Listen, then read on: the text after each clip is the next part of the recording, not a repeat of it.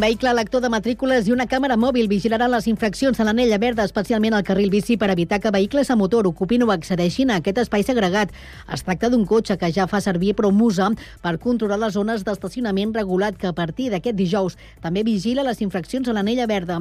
A més, abans de l'estiu s'instal·larà una càmera mòbil que podrà anar canviant d'ubicació, també amb l'objectiu de sancionar els infractors. Aquest tipus d'infraccions són greus i poden comportar multes d'uns 200 euros.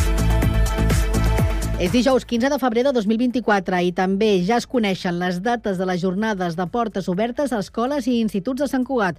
Aquesta oportunitat de visitar els centres durant el període de preinscripció i matriculació és important per a les famílies i futurs alumnes per conèixer les instal·lacions i els plans educatius de cada centre.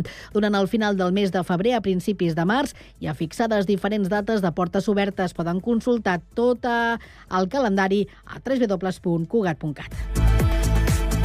La Junta de Veïns de Valldoreix d'avui portarà a aprovació la proposta de desistiment de la tramitació del Pla Especial d'Ordenació Volumètrica i d'usos de la centralitat.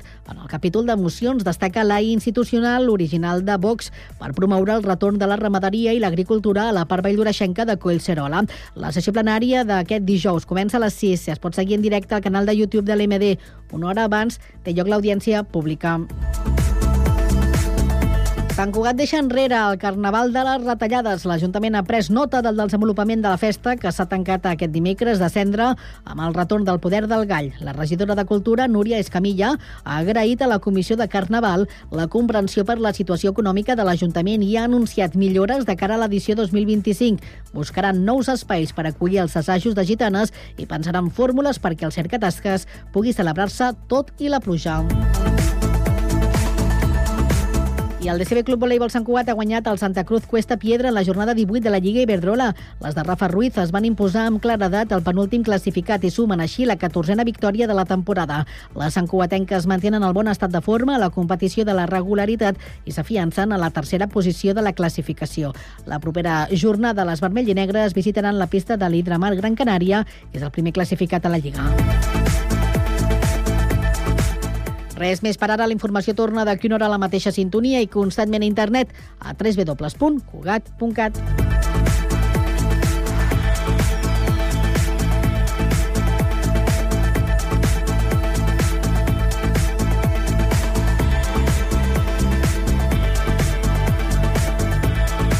Cugat Mèdia, la informació de referència a Sant Cugat.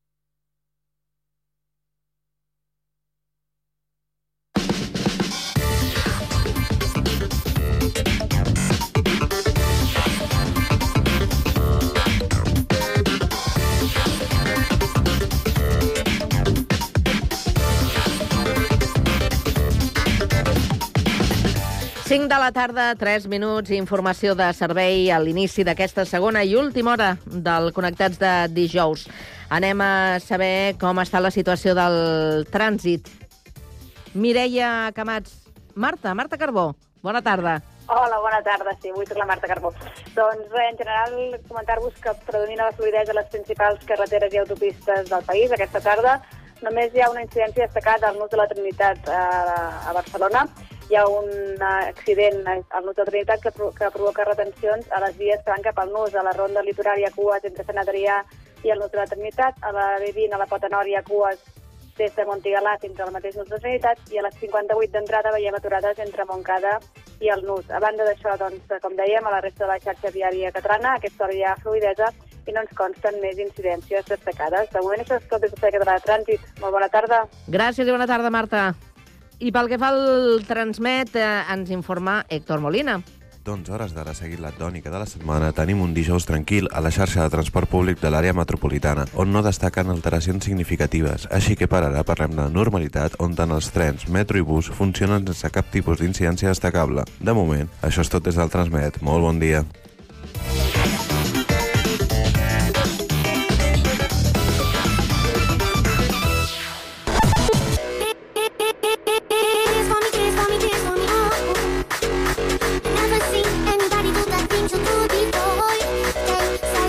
Connectats, una experiència radiofònica a Sabadell, Terrassa, Sant Cugat, El Prat, Castellà i Badalona.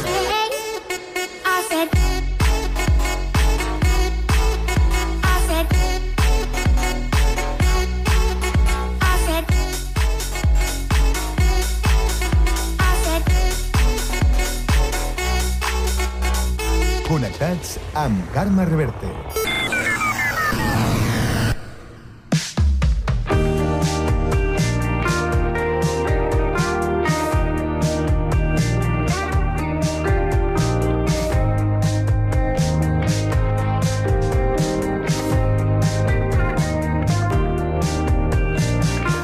La Societat Cultural L'Oliva és una entitat que funciona des del 1901, situada al barri de Canyet de Badalona.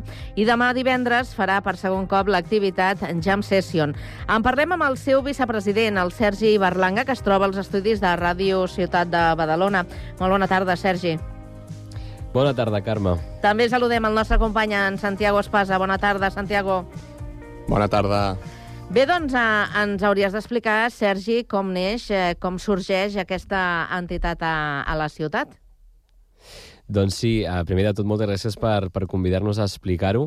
La Societat Cultural L'Oliva, com bé deies, està al barri de Canyet aquí a Badalona i és una entitat cultural que té 100, més de 100 anys d'història, del 1901, i des de llavors doncs, eh, les activitats que ha tingut l'Oliva han sigut molt diverses, no? Però sí que amb un objectiu i amb un punt comú que és amenar cultura. Jo crec que tots els, eh, els gèneres artístics han passat per l'Oliva alguna vegada i, i per tant, eh, com et dic, és un, un focus de cultura que ens trobem en aquest barri de la muntanya de Badalona i que ja fa molts anys que, que funciona. Quan parles dels diferents gèneres artístics, eh, estàs parlant exactament de quins? Quins són els pals que heu tocat? Doncs mira, um, ara mateix eh, les, tenim, tenim tant eh, activitats que fa molt de temps que, que funcionen, com seria la cultura popular, gràcies a, al Ball de Bastons de, de Canyet, el típic Ball de Bastons, mm. que la gent aquí a Badalona el coneix doncs, per les festes de maig o per la festa major d'agost, i també per la coral, que, que ja fa molts anys que també funciona i que també eh, té lloc a l'Oliva. Eh, hem fet teatre, hem fet eh, visionats, hem fet eh, tant, també cultura popular des del punt de vista de sopars, de celebracions, eh, aquí a Badalona. I ara doncs, hem començat noves activitats eh, que tenen a veure més en relació a la música, a la música en directe, com seria aquesta Oliva Jam, que aquest divendres fem la segona, la segona sessió, i també eh, doncs, l'Oliva Vallfolk, que també és una altra eh, activitat que hem encetat que consisteix en recuperar gèneres musicals que són, que són més antics i que tenim un grup de joves que, que es dedica a recuperar aquella, aquella música. A més, són eh, gèneres que tenen ball i també, per tant, ensenyen com es balla i diguem que ara mateix és el, és el que tenim des d'un punt de vista cultural, tot i que també fem moltes altres activitats en el barri. Val, explica'ns això de Canyet als teus peus. Uh -huh. Què és? Doncs mira, Canyet, sí, a Canyet als teus peus és una, és una iniciativa que consisteix en unes excursions, en unes passejades pel barri, perquè el barri de Canyet té una particularitat i és que és el barri de Badalona on hi viu menys gent, però alhora és el barri amb més superfície, és el barri més gran. I per tant, eh, hi ha molta gent que, que no el coneix o que el coneix perquè allà s'hi troba l'Hospital de Can Ruti, per exemple, mm. i tot el pol de, de salut que, que hi ha en aquella zona. Però, en canvi, hi ha molts racons, hi ha molts indrets que trobem que són molt interessants i volem donar a conèixer a tant als nostres veïns de Badalona com a qui s'hi vulgui sumar quins són aquests racons eh, que tant ens agraden els que, som de, els que som de Canyet. Hem anat, per exemple, al monestir de Sant Jeroni de la Murtra, que just davant eh, té un, un, uns conreus, el conreu ecològic de Conreu Sereny, que és l'únic aquí a Badalona. Uh, ara, de fet, el proper 3 de març anem a visitar les mines de, de Canyet, que uh, hi ha molta gent que no ho sap, però hi ha unes estructures per sota terra, uh, aquestes mines que trobem al barri de Canyet i que algunes es poden visitar. De què són Per les tant, mines? Són d'aigua, són d'aigua. L'únic Ah. que passa és que hi ha algunes que, evidentment, són estructures molt complicades i perilloses Mm. i ara no es poden entrar, però sí que eh, hi ha un parell, almenys, que són accessibles i, per tant, les anem a descobrir. No? La- Anem a, volem que tant els joves com a la gent que, que ja fa molt temps que hi viu a Canyet doncs que descobreixi que en el nostre barri hi ha molts indrets molt xulos. Uh -huh. Ara jo et volia preguntar, Sergi, eh, quin, es- de quin espai compteu per realitzar totes aquestes activitats? Mm -hmm. Doncs a Societat Cultural Oliva tenim uh, un espai a Canyet, és un edifici. Hi ha molta gent aquí a Badalona que ens estigui escoltant que ho coneixerà pel restaurant, que és la part, uh, el, el pis de dalt, no? el restaurant L'Oliva, que també és molt conegut aquí a Badalona. I a la part de baix doncs, tenim un teatre i una sala polivalent. Uh, no sé, crec que a les obres de teatre hi caben fins a 100 persones de públic, és un espai molt gran, i per tant allà és on té lloc eh, tot plegat. Eh, sembla que de vegades el barri de Canyet està molt lluny eh, per, de la resta de, de ciutat, però està molt ben connectat. Vull dir que amb bus hi arribes perfectament, hi ha un pàrquing al davant, eh, per tant crec que tot està de cara perquè la gent en pugui conèixer-nos, no? I quin tipus de públic us dirigiu? Uh -huh. De fet, um, una cosa que... Bé, ja, ja fa molts anys que, que l'Oliva um, li faltava, no sé, un, una renovació, no? Li faltava noves propostes, li faltava nova energia, uh, que entrés eh, gent jove, i fa cosa d'un any, no arriba encara, vam renovar la Junta, i per tant un dels objectius que, que perseguim és uh, obrir una mica a, a aquest públic, no? És a dir, tenim un públic que ja no falla mai, no? que ja fa molts anys que ve i que és més sènior, i per tant també seguim fent activitats per a aquest públic. Però eh, trobàvem que a Canyet li faltava dinamitzar-ho culturalment, també apropant als joves, no? i per això eh, activitats com aquestes eh, musicals que, que fem realment omplim la, la sala d'artistes joves badalonins que tenen ganes de compartir eh, el seu art, no? I ara parlant d'aquesta pròxima activitat, la Mhm. Jam Session, hem comentat que serà el segon cop que ho feu, Uh -huh. i jo volia preguntar com va sorgir aquesta idea. Doncs mira, um, abans de la Jam Session uh, hi ha un grup de joves de, de Canyet i d'altres llocs de Badalona que es coneixien d'haver après música junts i són els que van uh, fundar el Oliva Vallfolk, no? que és el que us explicava abans, que consistia en recuperar gèneres musicals antics. I aquesta gent, no? uh, aquests uh, nois i noies, reflexionaven que no hi havia o que era molt complicat trobar a Badalona o a voltants espais on poder anar amb el teu instrument i compartir doncs, els teus coneixements musicals, on conèixer gent del sector, um, o sigui, gent que és amateur no? i que està fent la seva carrera professional, i per tant això va ser el que els va motivar a dir potser haurien de generar un espai, com és en aquest cas uh, l'Oliva, i estem molt contents que sigui en el nostre espai, doncs aquest espai de trobada, de fer xarxa amb altres músics de la ciutat i, i bé, eh, la primera vegada que, que ho vam fer el passat octubre va funcionar molt bé. Va ser molt xulo veure gent que no es coneixia però que comparteixen un, doncs un hobby o una professió que és la música i tenir un espai on trobar-te, on conèixer i d'allà doncs esperem que puguin sortir projectes també compartits. Jo tinc un dubte, i és com serà aquesta organització. O sigui, hi haurà persones pactades que toquin, o sigui, que compartiran la seva música, o també hi haurà una mica d'improvisació? Doncs mira, les dues coses, perquè el que farem en aquesta segona sessió és que convidarem a, al cantautor badaloní Willio, que acaba de treure un nou single just fa una setmana, que es diu Desire, i per tant els, el ens el presentarà a, aquest divendres a l'Oliva, i farà, doncs bé, tocarà unes quantes cançons de, del seu repertori, però això és l'inici, no? Vull dir, nosaltres entenem que quan arribes al, a un lloc així, doncs, fa coses ser el primer, no? En, en sortir a actuar. Per tant, portem en Willio eh, que compartirà la seva música i després, eh, qui vulgui que vingui amb el seu instrument, nosaltres a l'Oliva, des d'un punt de vista tècnic, tenim tot el que fa falta per poder connectar el teu instrument i, per tant, Allà sí que començarà la improvisació, que qui vulgui eh, pugui pujar a l'escenari, a tocar el seu instrument, a fer-ho acompanyat, a fer-ho sol. Eh, bé, aquí no sé què passarà perquè, com, com bé deies, serà improvisat. Doncs, ah, si em permeteu, us he de dir que en Willio és un conegut del programa, perquè ja, ja ha passat, ha passat uh, diverses vegades per aquí, fins i tot ens va acompanyar fa un parell de, de temporades al programa especial amb motiu del Mhm. Dia Mundial de la, de la Ràdio, va venir a fer una actuació acompanyat eh, per la seva germana, i el coneixem, el coneixem eh, prou bé, o sigui que eh, teniu, teniu un, un bon artista, eh?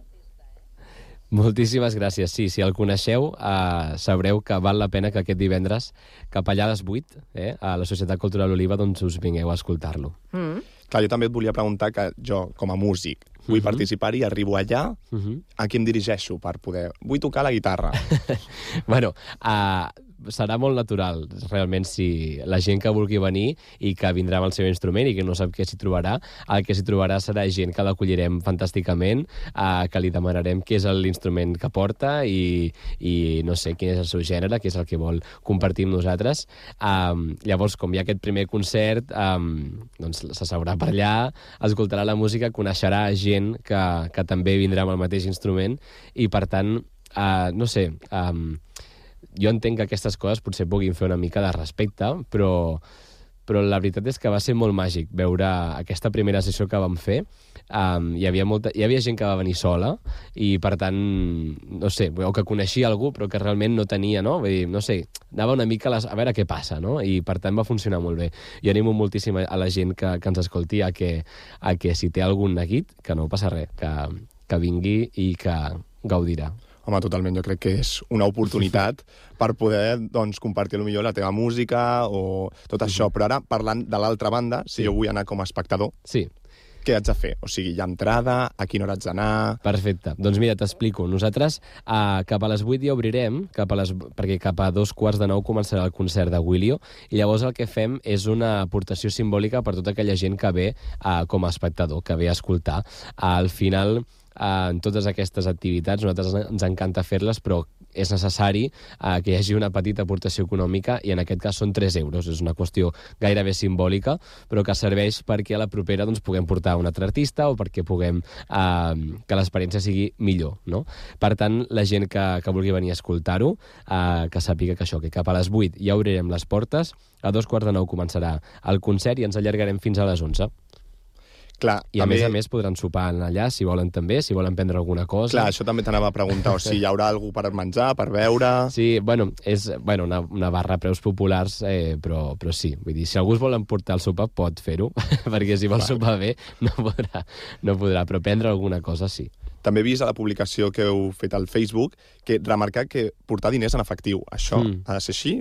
Bueno, mira, saps què passa? Quan et deia que la- l'Oliva necessitava una renovació, és perquè, uh, fins i tot des del punt de vista de tenir xarxes socials, de ser actiu, no?, uh, fent la difusió. Doncs mira, una de les coses que passa és que no tenim datàfon, i per tant, eh, bueno, doncs potser en algun, en algun futur pròxim hauríem de plantejar-nos-ho, no?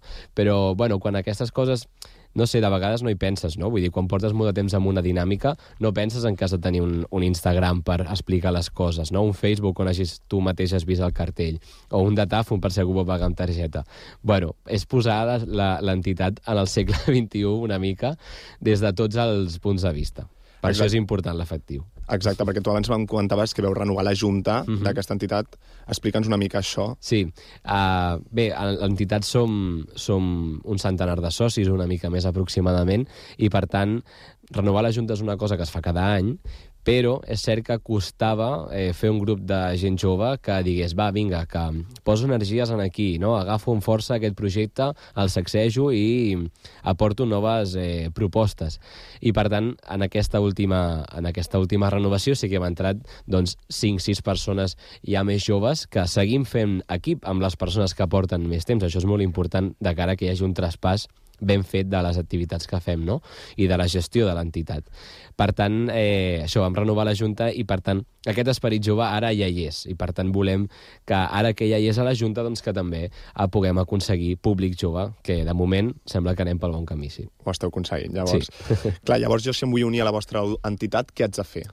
Doncs um, fer-te soci és una... A veure, realment, la gent que vingui aquest divendres doncs, vindrà com a públic i ja està, però sempre doncs, és interessant si ets una persona del barri de Canyet, del barri de Bonavista, Bufalà, Morera, que estan tots a prop, o del centre, d'on siguis, no? Si, si ets de Badalona estaràs més a prop, per dir-ho d'alguna forma. El que pots fer és fer-te soci i participar, diguem, de, de l'organització d'aquestes activitats. És una quota anual, que a més és gairebé també simbòlica. Si no recordo malament, són 40 euros l'any. Vull dir que crec que ni Spotify, ni Netflix, ni no sé què, tot això és més car, ¿vale? Eh, per tant, és això mans sempre fan falta per tirar endavant projectes. Fer comunitat és una cosa que per nosaltres és molt important. Eh, tot això ho fem des de voluntariat, també. Per tant, tota aquella gent que vulgui sumar en el projecte, les portes les té obertes, perquè sempre fan falta mans i, i, i caps pensant eh, què fer, no? Per tant, eh, aquesta és la forma de, de participar-hi. Clar, estem aquí parlant d'aquesta entitat, sobretot també de la Jam Session de demà, Uh -huh. però també et volia preguntar quina seria doncs, la vostra propera activitat o algun projecte de futur que tingueu Mhm. en ment al vostre equip. Sí, una de les coses, com, com et deia, eh, de, del canyet als teus peus, d'aquestes passejades pel barri, ara, en aquest mes de març en farem una, el mes d'abril en farem una altra i el mes de juny una altra. Um, si la gent entra a les nostres xarxes socials, si busca Societat Cultural Oliva, ho trobarà molt ràpidament. I una de les coses que volem també encetar perquè entenem que la cultura no és només uh, música, teatre, etc, sinó que també és gastronomia. Uh, doncs una de les coses que potser estic fent una mica de spoiler, però bueno, això aviat, aviat ho, ho explicarem quan ho tinguem tancat, ens agradaria començar a fer tastos de menjar típics, per exemple. Uh, ens passa que al barri de Canyet hi ha l'únic vi de Badalona, no? el vi Orígens. Per tant, la gent de Canyet ja el coneix, però ens agradaria que la gent de Badalona també el conegués, que el provés, perquè uh, des d'un punt de vista de qualitat doncs, forma part de la de- denominació d'origen de l'Ella, vull dir que té un renom. I està aquí, a la carretera de Canyet, i hi ha molta gent que no ho coneix. Per tant, una de les coses que fem és visitar-lo, serà una d'aquestes passejades, però també començarem a fer doncs, aquests eh, tasts gastronòmics eh, que bé, encara estem tancant el, el, les dates i de què seran i tot això. Però, però això, aquest és una de les coses que em ve al cap que estem començant a, a tirar endavant, sí. Doncs això tindrà molt d'èxit, eh, Sergi, ja t'ho dic. Espero que sí, estàs convidadíssima, i tu també, Santiago. Té bona pinta, Carme, té molt bona pinta. Mira, jo les passejades pel, pel barri em semblen fantàstiques, eh? Sí. I, això, i, I aquesta descoberta que acabem de fer, que teniu aquí un vi denominació d'origen a, a, Mhm. a l'Ella, eh, Orígens, no? És un vi... Sí, Vi Orígens es diu. Molt interessant. Però, molt escolta'm una interessant. cosa, és un vi que podem Sí. trobar als cellers? O bueno, no? eh, no sé, en alguns sí, en alguns sí. Passa que és una producció molt local, molt petita. Ah. Eh, jo el que recomano, sincerament, és contactar-los a bioorigens.cat, és molt fàcil, i, i ja que vas a buscar el vi en allà a la masia, no? pues també eh, els agrada molt ensenyar les vinyes, explicar com ho fan, eh, quin raïm tenen allà. Vull dir que realment tot en si és una experiència I i, i és cert que per Badalona sí que hi ha algun lloc on es pot trobar, on es pot comprar, però jo recomano anar a la masia de Can Coll. Doncs és una bona proposta. Per cert, eh, Santiago, eh, tu toques Digue'm. algun instrument? No, no, no, jo em, Ah. em feia passar com a músic per als futurs músics que vinguin, que vagin demà. Dic, home, demà tens una oportunitat. No, no, no, no. Mai és massa tard, mai és massa tard. Ai, Em posava la pell d'un músic, jo. no, no, mateix. perfectament. Estava, estava més, que, més que entès, però dic, mira, aprofitarem, a lo millor és una possibilitat que, que li veiem l'altra versió al, al Santiago, eh? Però vaja, no, no serà el cas. Sergi, No serà el cas. moltíssimes gràcies per passar pel Connectats i que tingueu molts èxits, tant amb la Jam Session Moltes com amb la gràcies. resta d'activitats. Que vagi molt bé. I Moltíssimes Santiago, res, eh, continuem eh, xerrant demà, potser, no? Sí? Ah, exacte. Sí, Molt sí. bé. Gràcies i bona tarda. Bona tarda, Carme. Adéu-siau. Adéu. A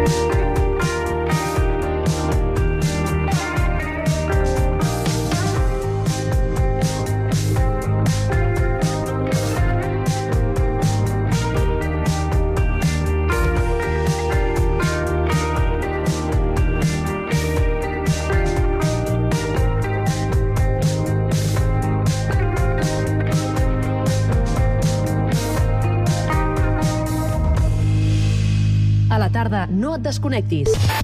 A la teva ràdio local, connectats. Can't touch this.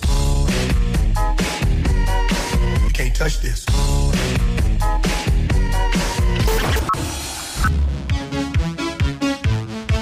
Can't touch this. Can't touch this. Connectats amb Carme Reverte.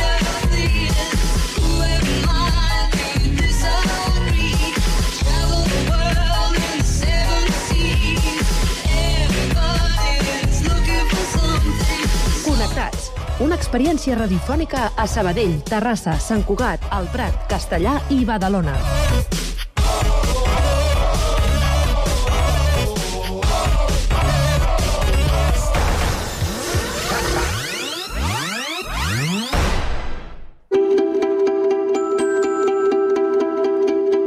Connecta't al patrimoni.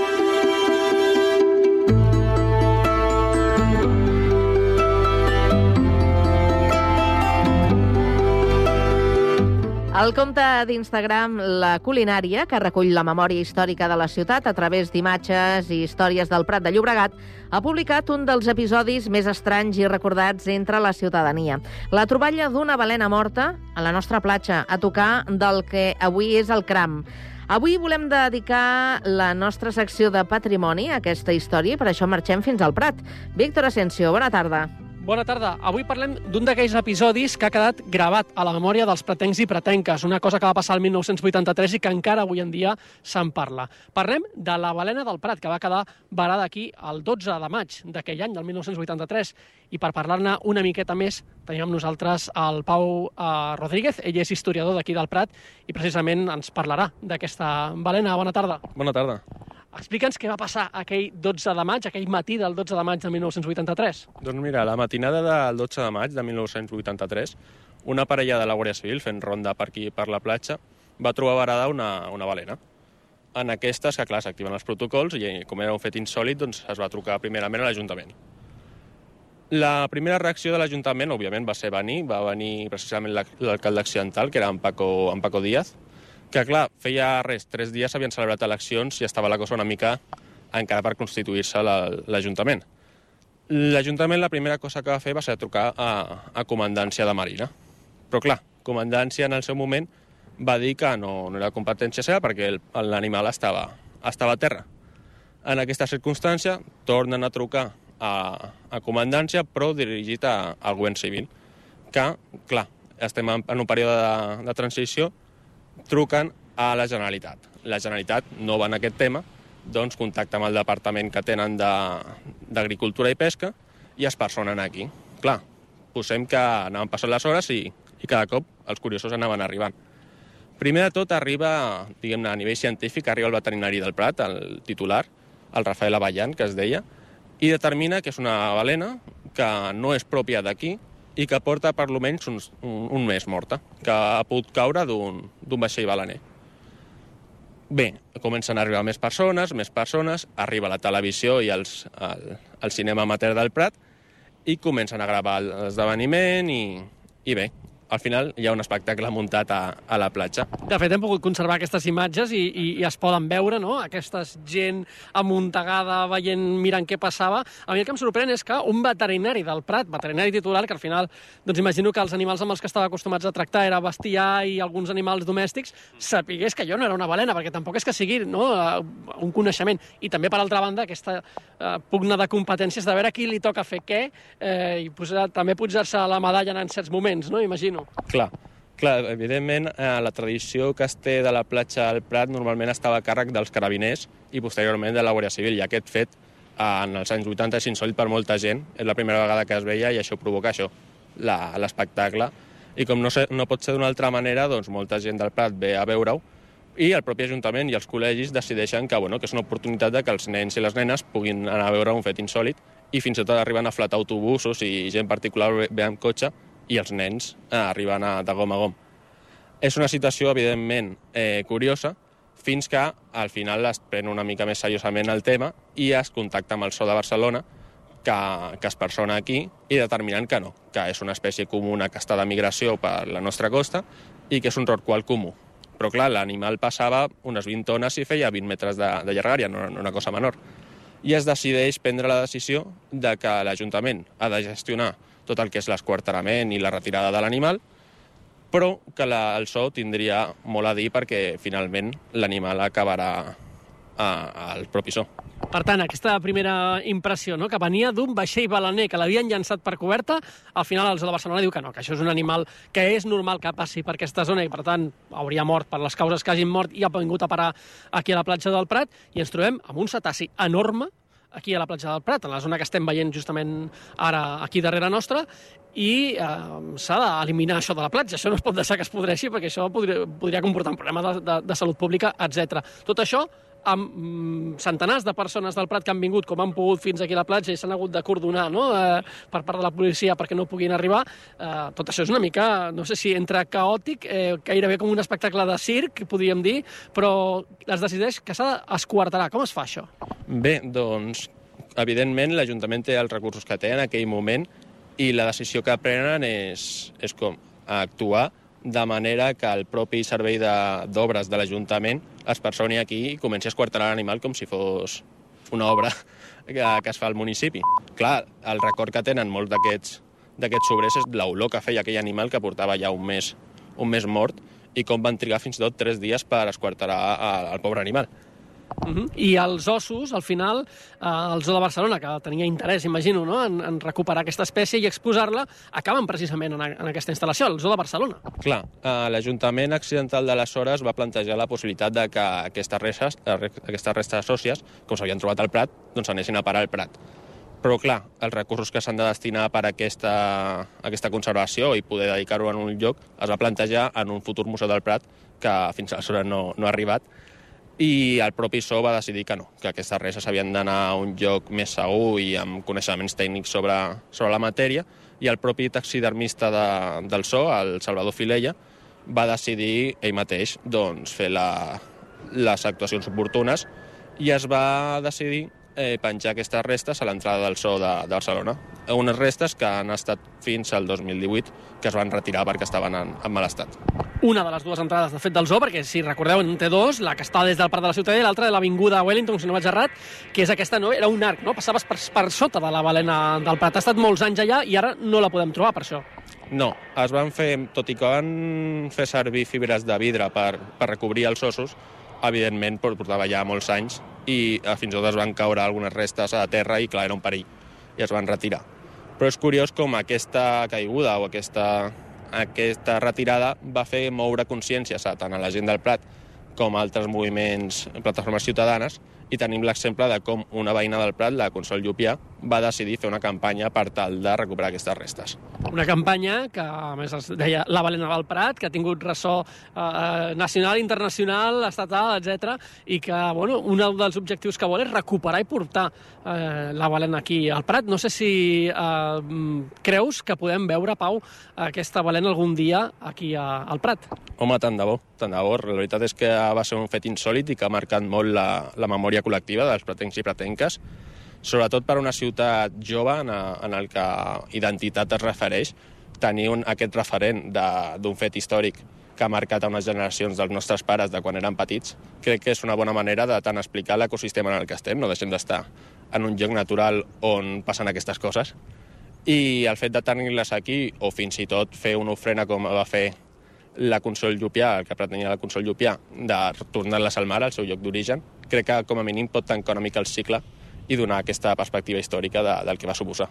Parlaves una mica d'aquesta memòria col·lectiva. Tu, a més, eh, tens ara mateix o, o gestiones ara mateix les xarxes de la Cunària. És una eh, iniciativa que fas a, a través de xarxes socials, Instagram, crec que també ho fas a, a través d'altres plataformes, per intentar promoure la, la, la història, no? sobretot entre la gent més jove que potser doncs, eh, no coneix algunes dels, dels passatges més curiosos de, del Prat. Eh, com sorgeix la idea de, de promoure això? I, de fet, hem, hem de recordar eh, que la idea de parlar de la balena del Prat sorgeix precisament perquè hem vist el teu post d'Instagram. Eh? Ho hem de recordar que ha sigut inspiració per parlar-ne una altra vegada. Clar, la, la idea que vaig tenir en el seu moment ens, ens hem de remuntar al 2020, en ple confinament. A mi sempre m'ha agradat la història, i sobretot la història local, i vaig pensar que la gent del Prat té aquesta idea o aquest tòpic de que el Prat no té història, no té una història medieval o una història romana, no, no tenim restes romanes aquí al nostre municipi com a tal. Però el fet d'apropar la història durant un format més senzill, més, més divulgatiu, fa que aquesta gent que no s'hagués interessat per Barcelona, dic per Barcelona pel Prat, anés a Barcelona a veure, no sé, m'ho invento, el castell de Montjuïc, doncs pugui anar a la telegrafia o a la granja de la Ricarda i veure que sí, que tenim restes històriques i que podem construir una memòria col·lectiva tots plegats. I la balena, precisament, és un d'aquests motius que, que em van reivindicar moltes persones que ho van viure de que estaria bé recordar-ho. A vegades, quan parlem de memòria històrica, en- ens oblidem no? d'aquests episodis més ciutadans, més potser de l'àmbit de la curiositat o de l'anècdota, però que formen part precisament d'aquelles memòries que passen de pares a fills, de mares a filles, eh, i no tant d'aquestes grans eh, passatges de la història amb reis, reines, emperadors, emperadrius, eh, i això també forma part de la història i de la identitat pretenca, oi? Clar, precisament Jaume Codina, les seves primeres obres, destacava aquest factor humà, i és més, el títol de la seva obra magna, que és La gent del fang, dona mostra d'aquest protagonista, que és de la gent. Som un territori verge i que fins fa pocs dies era mar, i el fet de que és la gent la que ha colonitzat aquest delta i ha creat aquesta història, el que ens ha de recordar a aquesta memòria que tenim, que al final és col·lectiva. Per, per això el valor d'aquesta memòria. Una cosa que no hem dit és que sí, hem dit que estem aquí a la platja, de fet no sé si s'arriben a sentir les ones a través de, del micro, però vaja, tenim la mar una miqueta moguda avui, uh, però aquí abans eh, no teníem aquest mateix espectacle. A banda de tenir de balena, que es podia veure, també teníem a prop uh, un centre nàutic, un club nàutic, que avui en dia no hi és aquí. No? Ara potser sí que a l'estiu veuríem un altre tipus d'instal·lació, una guingueta, no? un xiringuito, com se'n sol dir també, uh, però aquí hi havia un edifici també. Ara aquest edifici s'ha traslladat i és el centre municipal de Vela, oi? Clar. Hem de pensar que la platja que coneixem avui no és la mateixa dels anys 80 ni la mateixa del segle XIX. És a dir, al segle XX la platja es democratitza, per així dir-ho, esdevé un espai d'oci de lleure i tota aquesta zona de Pinedes que avui és Can Camins es convertia en càmpings. Eh, la gent més adulta eh, coneixerà el del Mau, el Capistrus, una sèrie de càmpings i, i, i molt famoses, i precisament en aquesta zona on estem ara estava el Club Nàutic, un centre de, que es feia a vela i, i activitats de mar, que era una, una manera més d'utilitzar el mar com a zona de lleure. Evidentment, aquestes coses han canviat per, per temes diversos, entre els quals el Pla Delta, i a dia d'avui tenim un litoral que, malgrat els efectes del canvi climàtic, està com està, doncs s'ha protegit de tal manera que tenim aquest, aquest escenari d'ecosistema més natural, o com a mínim més artificialment ajardinat. I ara, per acabar, aquestes imatges que ens han arribat avui en dia, eh, que podem recuperar d'aquesta balena al Prat, estan fetes també per pratencs, és a dir, per aquestes primeres eh, idees de televisió. Potser no existia la tele del Prat, però sí que existia Ràdio Odissea, llavors, eh, la precursora del que després serà eh, les en aquestes ràdios que li deien ràdios, eh, no sé si eren pirates o no, eh, en aquell moment, però vaja, aquestes primeres ràdios que hi ha al Prat i que després nosaltres som hereus i hereves, en certa manera, al Prat Ràdio d'aquest tipus de, de periodisme ciutadà, i, i tenim precisament aquestes imatges gràcies a la voluntat de persones que han exercit el periodisme eh, de forma eh, voluntària, precisament, i estaven aquí els primers, no? Clar, i tant. És que al final la història tenim sovint el tòpic de que només són els fets importants, eh, polítics, reis i, i polítics, però realment la història l'ha construït la gent. Eh, clar, aquella gent que venia al Prat i gravava la balena en 1983 pensava que era una cosa que comentarien dues setmanes més i ja està. Però realment estaven gravant la història en un format nou com és el vídeo i com era la ràdio en el seu moment. I clar, potser avui mateix ens passa el mateix, que fem una foto i no tenim consciència d'aquesta foto, però d'aquí 100 anys serà un, un document històric eh, inaudit. Doncs Pau, moltíssimes gràcies per avui amb nosaltres aquí a la platja del Prat per parlar de la balena del Prat i esperem algun dia potser veure-la també aquí al Prat, aquesta balena, eh, on l'haguem de veure i podem eh, rememorar també a través de, del teu compte d'Instagram, de la Cunària i de les xarxes socials, doncs les històries que han fet gran el Prat i la seva gent. Moltíssimes gràcies per avui amb nosaltres. Bona tarda. Moltes gràcies.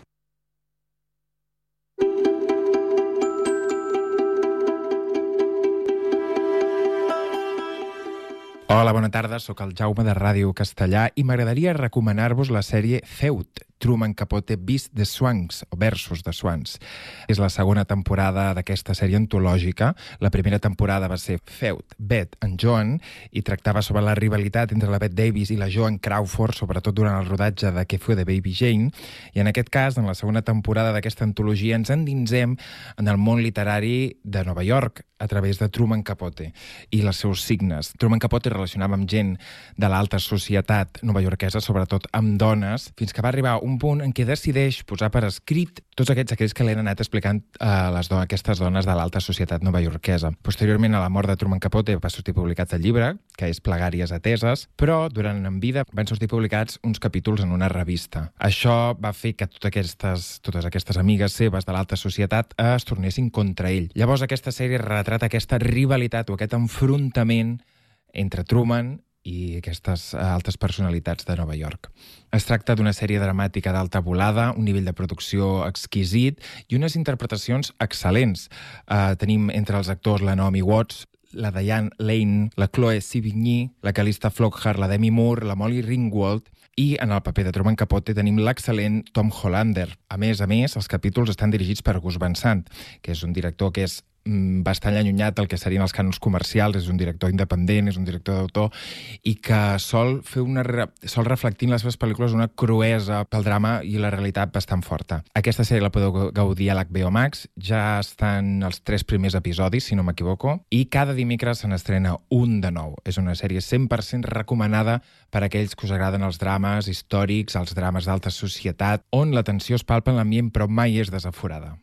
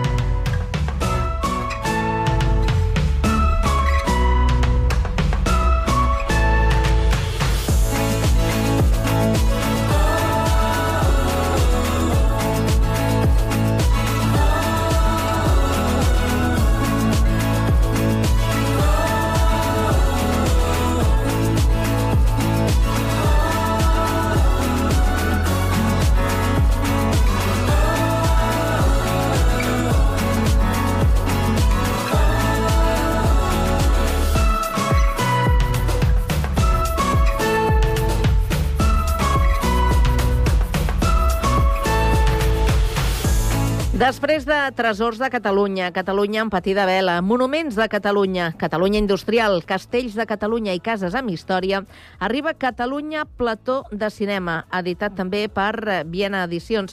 En parlem amb el seu autor, el periodista i escriptor santcugatenc Daniel Romaní. Bona tarda, Daniel. Hola, què tal? Bona tarda. Bona tarda. Què és el que t'ha portat aquesta vegada a fer aquesta nova publicació centrada en el món de, del cinema a casa nostra? Bé, és una manera doncs, de, de buscar doncs, de conèixer el patrimoni d'una manera també singular, diferent, i, i bueno, eh, recull els articles que vaig fer el diari ara eh, fa dos estius, i, i doncs, bueno, és una, una proposta cultural singular, diguem-ne. Mm -hmm.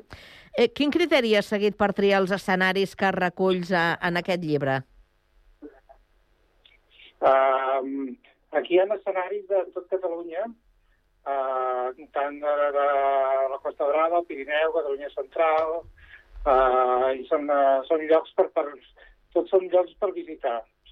Són uh, escenaris realment uh, castells, uh, cases, uh, nuclis històrics, etc etc. Però estan pensats eh, més que res per, per aquesta funció que tu dius, per, perquè el públic es pugui acostar i, i veure-ho, no, no tant com per la part cinematogràfica, o no? Bé, de fet, el llibre, eh, les pel·lícules són una excusa, les sèries, perquè aquí hi ha tant pel·lícules com sèries, són una excusa per conèixer aquests, aquests espais, no? Vull dir que, mm, de fet, aquesta proposta és uh, una iniciativa de la, de, de, de l'Agència Catalana de Patrimoni Cultural eh, i, per tant, doncs, posa molt èmfasi amb, la, amb, això, amb el patrimoni cultural d'aquests llocs, no? Dir, com deia això, nuclis urbans, castells, eh, cases senyorials, catedrals, esglésies, doncs, eh, on s'han rodat eh, grans pel·lícules que, que coneixem, no? Mm -hmm. Estem parlant de 38 eh, capítols, per, tal, eh, per tant, eh, 38 eh, eh, espais, 38 indrets. Eh, M'imagino que alguns s'han quedat eh, fora d'aquesta tria. No sé si us heu plantejat de, de fer una segona part. Bé, el llibre acaba de sortir ara. Encara és, és una mica doncs, prematur per si, si hi ha una segona, segona part o una, un volum número 2, no? Vull dir que uh, sí que es pot, sí, de fet es poden fer molts, molts, molts llibres, vull dir que fins i tot de, de la ciutat de Barcelona mateix podria fer un, un llibre perfectament, no? perquè hi ha moltíssima cosa a Barcelona, no? Mm. Però en aquest cas, doncs, eh, vam decidir, i d'acord amb la Generalitat, de fer tot Catalunya, no? I, I, clar, hi ha moltes pel·lícules que han quedat fora, vull dir, hi ha tantes pel·lícules rodades, doncs, que, que això és una, és una selecció, no? Selecció de, de, de temàtiques, d'estils, de, de, del territori, no? De, hi ha pel·lícules tant de, de, de, de l'època franquista, no? de quan les grans produccions, algunes de Hollywood, doncs, que es feien aquí, no? el, el que es deien les, les Runaway Productions, no? que eren uh, pel·lícules rodades doncs, al, al Mediterrani, que va facilitar molt les coses a, a productores nord-americanes per atreure doncs, artistes de, de Hollywood. I després, doncs, eh, també hi ha pel·lícules eh, recents, no?, de, fins i tot de l'any passat, dels anys anteriors, no? I com deia, aquests reportatges doncs, eh, que aquí estan recollits doncs, eh, eh, van ser publicats al diari Ara, però en aquest cas doncs, eh, fet llibre doncs, eh, s'han revisat, hi ha més fotografies, hi ha fotogrames, hi ha eh, cartells de les, de les pel·lícules, i a més a més he afegit dos capítols. Vaig tenir una mica de temps i que si m'animo una mica més a, a, a engrossir doncs, a enriquir el llibre mm. i vaig triar dues pel·lis. Una és Suro, Suro que passa a Darnius, a l'Empordà. Sí. És una pel·lícula, no sé si la coneixeu, és una, la, la, la tensió d'una parella en un lloc molt en una masia, un, un lloc molt idíl·lic, no? Sí, sí, és, ba és bastant recent. Sí, sí, Suro és crec que és l'any passat. Uh -huh.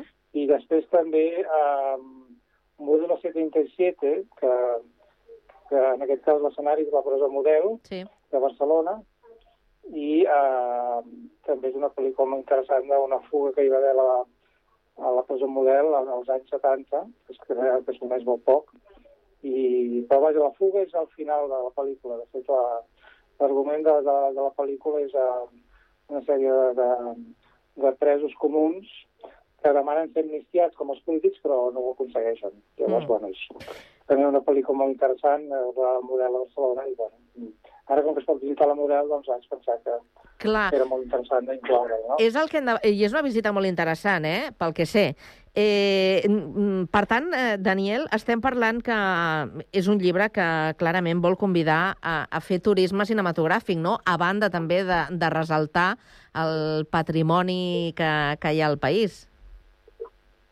Sí, sí, de fet, el turisme cinematogràfic doncs, en aquests moments, eh, de fet, eh, existeix a Catalunya està creixent, no? Hi ha hagut, eh, eh, no sé, fins i tot, per exemple, el, hi ha el cas de Tolsa històric, no?, que amb el Pandora i los, los de Serrante, eh, amb la, a Bagarne, doncs, que va posar una mica eh, Tolsa de moda, i, i, i diu que hi ha un abans i un després en el turisme, doncs, el, fins i tot el Costa Brava, no?, gent que hi va anar una mica per reconèixer els espais.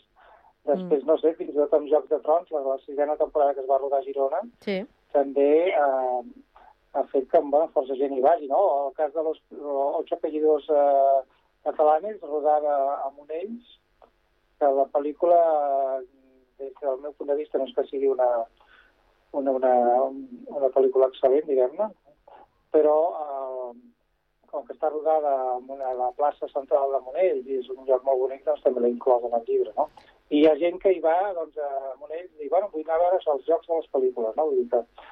O recordo, per exemple, la, la sèrie Vent del Pla, també rodada a, a Breda, sí. que s'organitzaven rutes també per, per, per conèixer els espais de, d'on es va rodar, eh, que alguns eren reals, altres ficticis. Aquí al Vent del Pla hi ha l'anècdota que el, el bar Tramuntana, Sí. que surt a la... Doncs, eh, no és un, no, de fet, és un magatzem de, crec que hi ha eh, matalassos i coixins, etc. O sigui, només el rètol a l'entrada per la, per, per, la, per la sèrie. O sigui, a dintre no hi havia res, no? I, Curiós. I hi havia alguns, eh, alguns que, que, que posaven cartes eh, dedicades al Marc Cartes o, o, o a la Emma Vilassar doncs, per sota la porta, a veure si els recollien, però no. I que no hi havia ningú, no.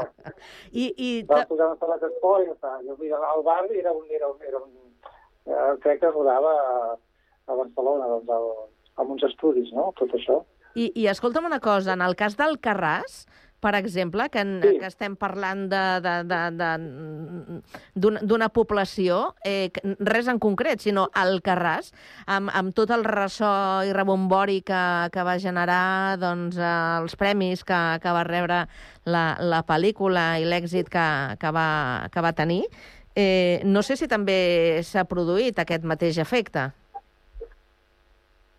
Sí, ho desconec. El que passa és que al Carràs hi ha un cas... És, és curiós perquè la pel·lícula té aquest nom, però surt molt poc al Carràs de la pel·lícula. Vull dir, fins i tot eh, va agafar un nom, però explico que, el, de fet, el mas on es va rodar és a, és a Massalcoreig, que és a, que és a prop del Carràs, també les Terres de Lleida, però, però ha altres llocs també de, de, de, la, com- de la comarca, de la zona, però no, no sé si hi ha hagut molt, molt turisme, diguem, al Carràs i totes coses, perquè tampoc trobaran els llocs on s'ha rodat, perquè no hi són, eh? Vull dir que són... Eh, hi, ha, hi ha bastants casos en què la, el, de, fins i tot el, el lloc on s'ha ambientat a vegades no, no es correspon a la, al lloc on s'ha rodat, eh? Uh -huh. Sí. I, I escolta'm una qüestió, eh, Daniel, eh, tu eh, has trepitjat directament tots els 38 escenaris que surten en el llibre? Eh, tots, tots, sí, sí, sí. Absolutament tots. He, he trepitjat els escenaris, he vist les pel·lícules i les sèries, Mm. i, i, i m'he documentat, eh, sí, sí, això és una feina doncs, eh, um, feta, amb, amb, bueno, feta amb ganes, diguem, eh? vull dir que feta amb, d'una manera molt meticulosa. Vull dir, A consciència. Eh, a consciència, això. He entrevistat els directors, eh, he, vull dir, he entrevistat els eh, actors, figurants, gent del, del, del territori, dir, al final aquesta, aquesta és una iniciativa doncs, ambiciosa del diari Ara i l'Agència Catalana de Patrimoni Cultural, com deia, que aquest és el sisè volum de, d'aquesta col·lecció, no? Vaig fer primer monument, després he fet el Catalunya Industrial, no? Les, les fàbriques on, on, on, on s'han conservat doncs, la maquinària i les, eh, les eines, etc. Després també he fet els castells, casos amb història, doncs, els, els grans casos dels personatges del món de la política, la cultura, la ciència, etc. I, i entre altres, hi ha, sí, hi ha diversos llibres de patrimoni, tot això són reportatges, com deia, doncs, publicats al diari Ara, eh, cada dia de l'estiu. Això és bastant marató, no?, perquè els, els meus estius són una mica singulars perquè eh, doncs encara haig de treballar bastant, no? Eh, com bé, i, i, però vaja, per molt que avanci la feina durant l'any, després doncs, eh, sempre hi ha coses a revisar. Eh, tot i que... I llavors sí, són reportatges publicats al diari Ara i mireu, i aquest és el sisè volum, fa il·lusió perquè això ja és una col·lecció que ja... Sí, que Home, ja... que fa goig, eh? Mm, Vist Sí, tots, sí, eh, sí. tots juntets, fa goig. I escolta, d'aquests escenaris que, que has visitat, quin és el que més t'ha fascinat? Ah, jo... aquesta pregunta, de fet, eh, és que tots els llocs són molt interessants. Sí. dir, hem mirat que tots els llocs siguin visitables, no? Això és també una, un, un objectiu doncs, dels, dels reportatges i d'aquesta publicació. I hom, jo crec que, si vols, també et puc dir on es concentren més pel·lícules que val la pena, potser, evidentment, de, de seguida pensant en la Costa Brava, no? La Costa Brava, doncs, ja tens fins i tot a la zona de Lloret, Tossa, Begur, Cadaqués, Portbou, tot això ja, ja són llocs de... A Cadaqués, per exemple, es va rodar la, el, la luz del fin del mundo, eh, que és una pel·lícula en què es va, es va construir un far per l'ocasió, perquè es veu que el far que hi ha, eh, que queda una mica eh, baixet, no els agradava, llavors, i durant molts anys el van mantenir allà com, com a, diguem com a vestigi de la pel·lícula, no? I que la zona de Cadaqués també és molt cinematogràfica, eh? o sigui que el- passejant per la Costa Brava eh, estàs anant per, per llocs de pel·lícula, no?, d'alguna manera. Mm, sí. Eh, i, i, bueno, eh, però a tot arreu, al Delta de l'Ebre, al Pirineu, tot arreu s'han rodat pel·lícules. Vull dir. tenim, que el decorat ja tenim fet Catalunya. Tenim aquest paisatge eh, i aquest patrimoni cultural tan, tan fantàstic que, que, bueno, que, que els, eh, els, els, els productors ja tenen això, els decorats fets, no? Aquesta riquesa, aquesta diversitat, eh, coincideixes no? amb el que també escriu la presidenta de l'Acadèmia de, de Cinema Català, la santquatenga Judit Colell, que diu que Catalunya és un escenari cinematogràfic magnífic i inigualable. Sí, sí, eh, és el que et comentava, no? Vull dir que eh, realment, doncs, eh, eh, tenim això, de la mateixa ciutat de Barcelona, no? que s'han rodat tant, vull dir, eh, sovint trobem no? carrers tallats per, per les eh, grans produccions que es fan, no?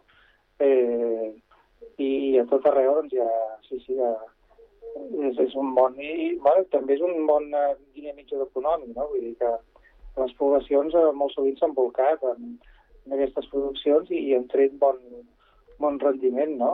Vull dir, el fet que vinguin aquí doncs, grans actors, eh, això també dinamitza la- l'economia, no? Tot, tot l'equip, clar, per fer una pel·lícula doncs hi ha moltíssima gent a, a l'entorn, no? Vull que... Implica Sí, molts, sí. molts sectors.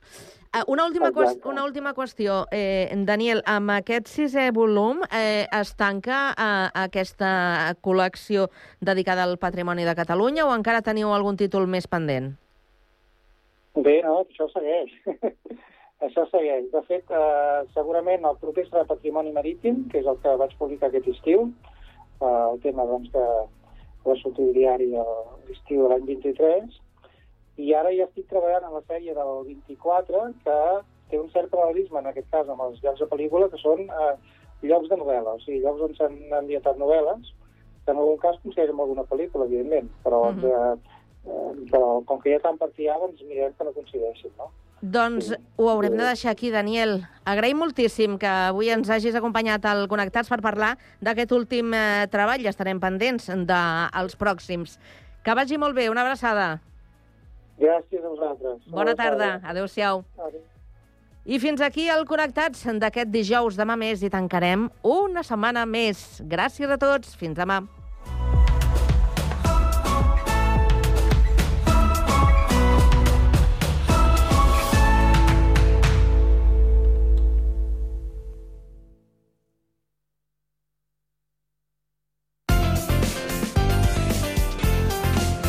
Ràdio Sant Cugat. La Cugat banda Mèdia. sonora de la teva vida. Jukebox de nit.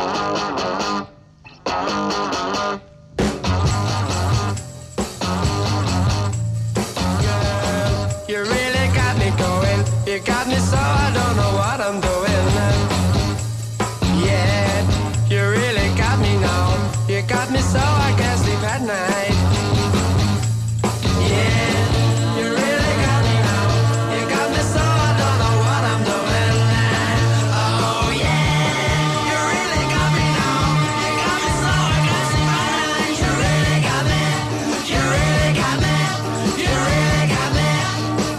Retroba't amb cançons imprescindibles de la teva història. Jukebox de nit.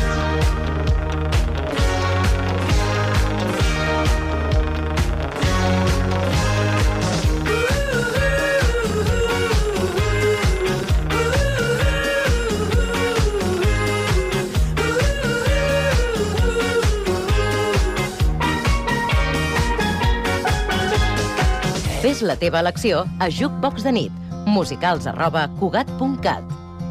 Yesterday, all my troubles seem so far away. Now it looks as though they're here to stay. Oh, I believe in yesterday. Suddenly, I'm not half the man I used to be. There's a shadow hanging over me. Oh, and yesterday came suddenly. Retroba't amb cançons imprescindibles de la teva història. Jukebox de nit. Cause I'm having a good time, having a good time. A shooting star leaping through the sky like a tiger, defying the laws of gravity. I'm a racing car passing by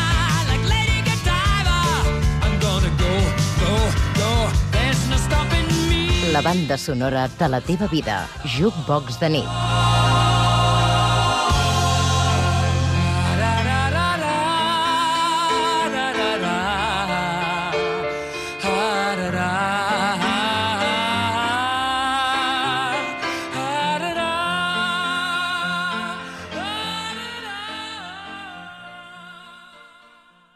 La banda sonora de la teva vida.